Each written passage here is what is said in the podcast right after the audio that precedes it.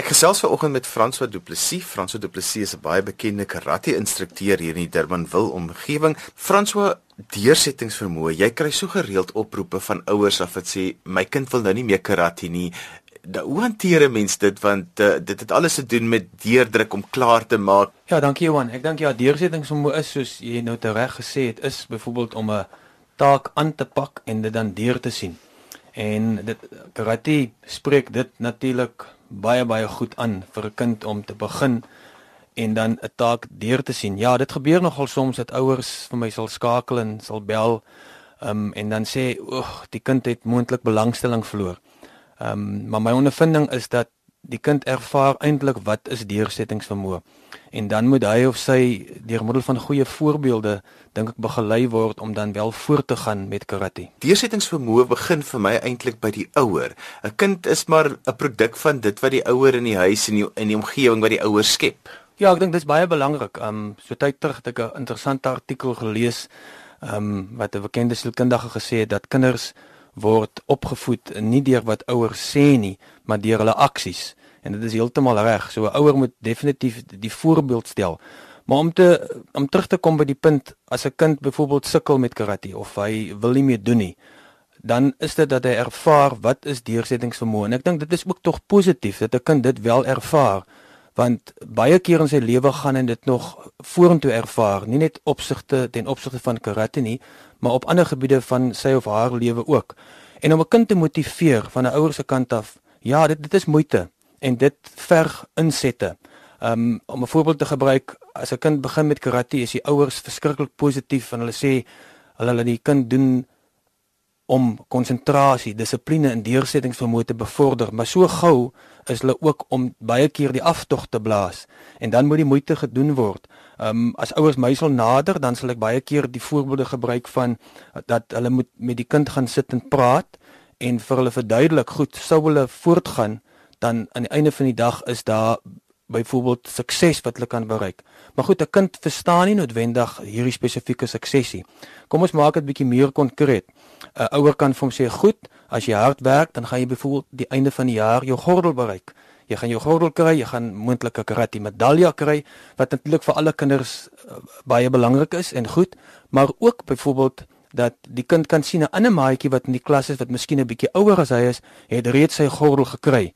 So dit is vir die kind visueel, hy kan dit verstaan en dan deur so 'n manier kan mens ook 'n kind motiveer om voort te gaan. Kom ons vat dit van 'n kant af. As jy so 'n gesprek met jou kind wil voer, jou kind sê of jou mamma, pappa, ek is nou nie meer lus vir karate nie.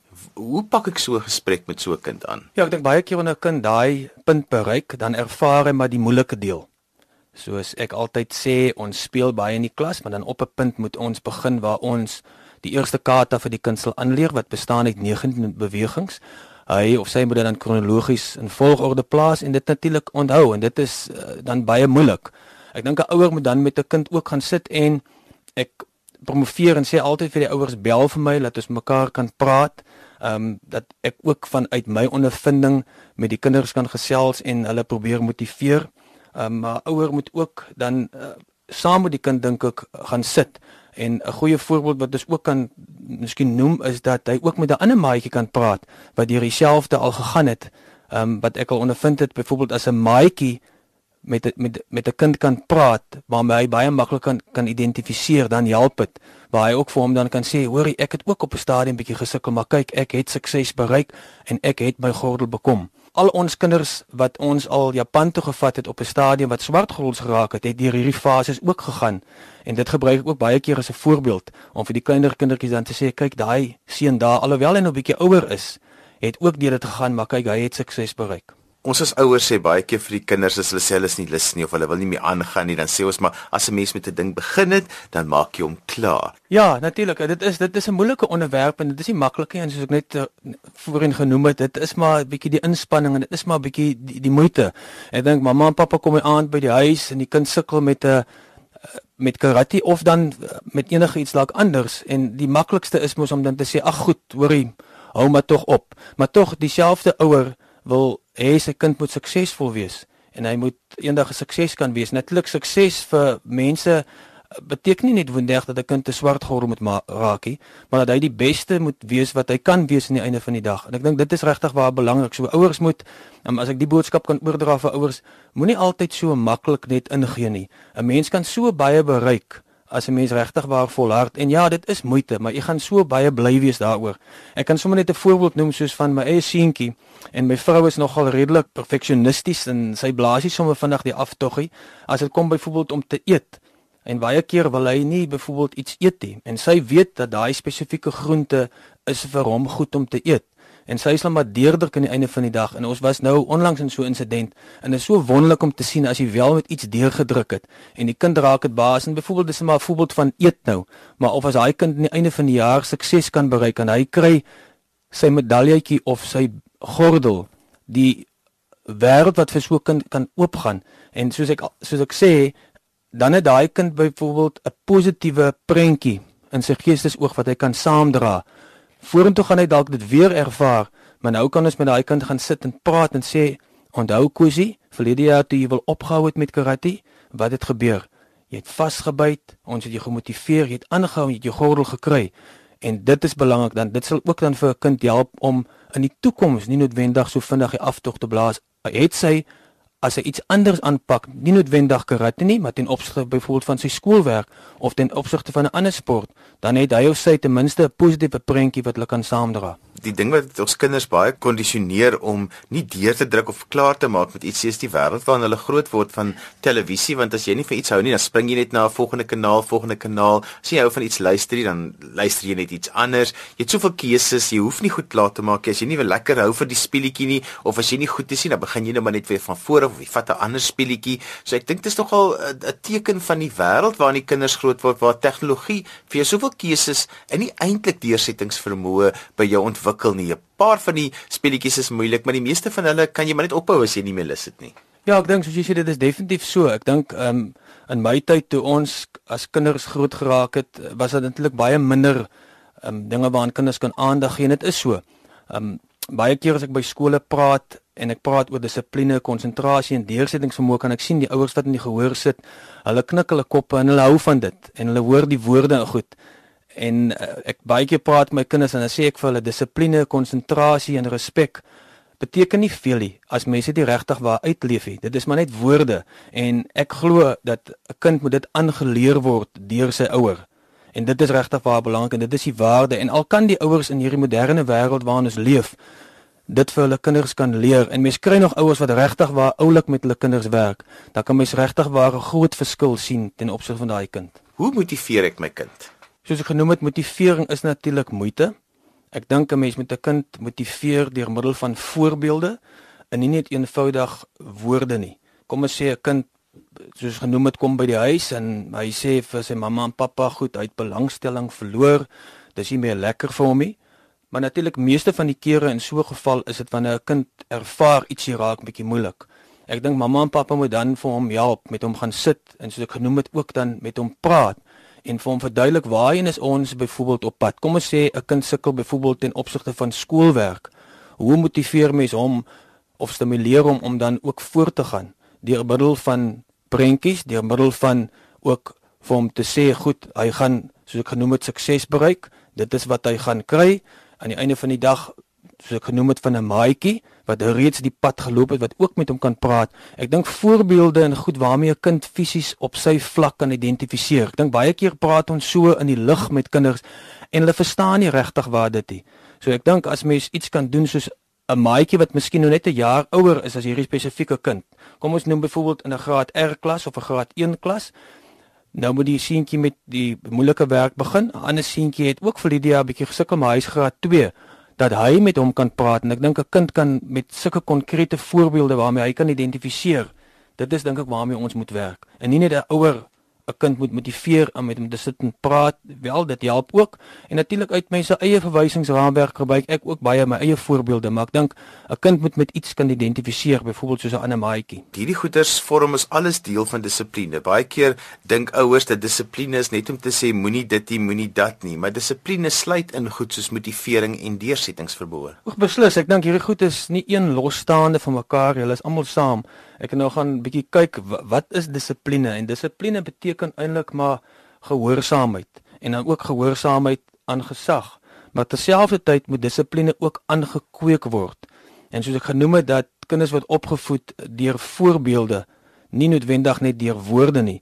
Ehm um, daarom is dink ek is dit belangrik dat ouers ook hulle lewe as mens dan nou 'n kind het, mens besef tog mens het 'n kind dat jy jou lewe ook so inrig dat hulle as ouers vir hom die beste voorbeelde stel, gee en dan ook byvoorbeeld van blootstel aan goeie voorbeelde dat hy dit kan navolg en ek dink dit sal 'n kind help om dissipline en natuurlik ook selfdissipline aan die dag te lê. Frans, een van die groot redes hoekom ouers hulle kinders karate toe stuur is juis vir die dissipline aspek. Hoe net om op te som, hoe help karate met dissipline? Ek dink iemand wat dissipline het, soos ek net genoem het nou vroeër, is dat dissipline, konsentrasie, respek, deursettingsvermoë glo ek is aspekte wat aangeleer moet word. As 'n kind oor dissipline sou beskik, dan sal al daai ander punte wat ek nou genoem het ook natuurlik inspel. Um 'n kind wat dissipline het, hoef mens nie meer so baie te praat oor hy. Hy of sy sal makliker huiswerk doen. Um ek dink 'n ouer gaan net minder probleme hê met 'n kind wat blootgestel word aan dissipline en wat oor dissipline beskik. Daarom is dit so belangrik dink ek dat 'n kind van kleins af, soos in ons voorskoolse program, ook blootgestel word aan die dissipline en ek het op 'n vorige program ook genoem van die hele aspek van die kyk, luister en dink konsep.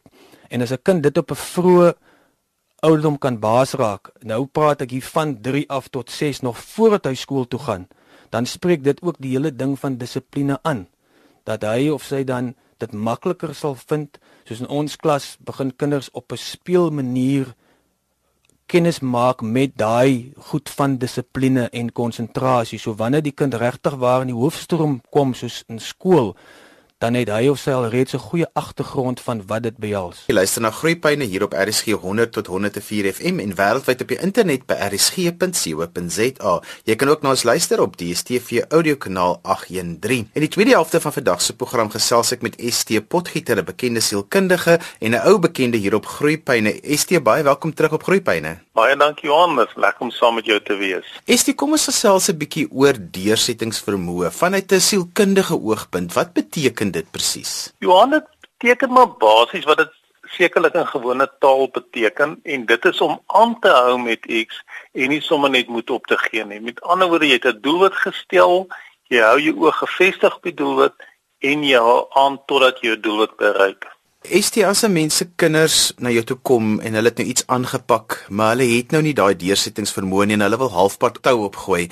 Hoe pak ek daai gesprek met hulle aan? Johan, ja, ek dink die eerste belangrike ding om te sê is dat 'n ouer moet met sy kind kan praat. Jy weet, kommunikasie is die belangrike ding. En ek dink in die eerste plek is dit nodig om te kan luister. Jy weet, kommunikasie bestaan uit twee dele: om te praat en om te luister. En baie keer wil ouers net sodra die kind kom met iets, dan wil die ouer voorskryf en sê hoe dit moet wees.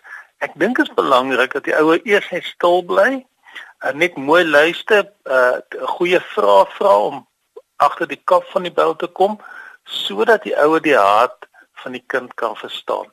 En dis eers wanneer die ouer die hart van die kind verstaan, werklik die kind se menswees en sy nood en sy behoeftes verstaan. Hoekom die kind wil verander? Hoekom hy 'n verandering nodig ag? Dan kan die ouer regtig eers goed intree om hierdie kind te help. Is dit daai ou dingetjie wat ons almal mag gebruik en dit is so in die volksmond lê dit man ouers is lief daarvoor. Dis daai ding van as jy iets begin het, dan maak jy dit klaar. Hoe ervaar veral tieners dit as 'n mens dit vir hulle sê? Johan, ek dink dit is ehm um, aan die een kant nodig dat 'n kind dit moet hoor. Ek dink 'n kind moet weet ek kan nie net elke keer tou opgooi nie. Ek kan nie net iets begin en nou sê ek wispelturig en nou los ek dit nie. Maar Ek dink tieners wil ook weet dat daar en sê dat daar soms 'n 'n bonafide rede is hoekom ek wil verander. Dat daar werklik redes is hoekom ek nie kan aangaan met waarmee ek nou besig is nie en moet verander. En ek dink dit is die tieners se behoefte om daai wil hê dat die ouer daai balans moet aanvaar en verstaan. Ek kan nie aangaan nie of luister ten minste na my, verstaan my hart, verstaan hoekom ek dit moeilik vind om met die ding aan te gaan. Estie, wat is die verskil tussen deursettingsvermoë by die kind en dit wat die ouer graag wil hê die kind moet bereik? Johan, ja, ek dink die die ouer moet net homself op die agtergrond stel want dit is die kind se die kind se lewe, dit is sy behoeftes, dit is hy wat moet uh, presteer in 'n sekere gebied waarvan hy hou en waar sy belangstelling sy persoonlikheid lê. Kom ek gee nou 'n voorbeeld vir Johan. Ek het eendag gewerk met met 'n kind wat wat bitter ongelukkig was in 'n skool. Ek moet die met die skool gepraat met die personeel. Ek het met die ouers gepraat. Die ouers gesê ons kan nie hierdie kind sommer net gaan verander na 'n ander skool nie. En toe ek gesit het met die kind en met hom gesels, het ek agtergekom daar's regtig bonafide redes hoekom die kind in 'n ander skool moet wees, in 'n nabygeleë skool. Want hy het byvoorbeeld die maats gehad, dis die maats wat in die ander skool. En ek het op die ouens vir die ouers gesê, wel ons moet 'n balans vind en en ek dink regtig ons kan hierdie verandering doen. En ons moet vir die kind sê dis nie net 'n uh, wispelturige verandering nie. Ons het na hom geluister, ons verstaan sy behoeftes En ons het die kind in die ander skool gesit en na 'n sekere maand of twee die ouers vir my gesê dit was die regte besluit gewees. Die kind se gesindheid, se verandering, sy emosionele gelukkigheid het verander omdat hy 'n skool gekom het waar hy beter ingepas het en gelukkig was met met met die maats wat hy daar gehad het. Ek sê nie hiermee ons moet al die kinders van skool verander nie, maar wat ek wel sê, daar is sekere gevalle waar jy wel moet mooi luister na die kind se hart sodat jy hom kan help en kan verstaan. As ek opmerk en baie keer sê ek altyd mes met jou ouers met hulle gut feeling vertrou. Jy, jou kind maak niks klaar nie. Wanneer moet ek bekommerd wees en hoe kan ek so 'n kind help? Johan gewoonlik en ek sien dit baie keer vir ouers is jy moet gaan kyk wanneer daar 'n gedragsverandering by jou kind intree. Met ander woorde, hierdie kind was altyd hierdie opgewekte kind wat baie gepraat het en maats gehad het en nou begin hy al meer homself onttrek. Hy leef meer in isolasie En dan kan jy maar weet, daai gedragsverandering kom van elders af. Daar is waarskynlik 'n stukkie ongelukkigheid of daar is waarskynlik 'n dieper liggende probleem. Kom ons gaan kyk wat dit is om 'n kind te help. So ek dink uh wat 'n ouer moet doen is uh hou jou oë oop, uh wees betrokke by jou kind, kommunikeer met jou kind sodat wanneer daar 'n probleem opduik dat jy daar kan wees om jou kind te help baie keer as ouers hierdie gesprek met hulle kinders het oor iets wat nou alweer nie klaar is nie of dat die kind weer halfpad tou opgooi met die trompoppies of met die rugby of wat hulle ook al op sokker, watter sport of watter buitemuurse aktiwiteit hulle wil doen, dan kom hierdie gesprek uit 'n punt uit waar ouer nou al 'n bietjie gefrustreerd is en dit is so 'n bietjie soos 'n drukkoker wat nou besig is om op te bou.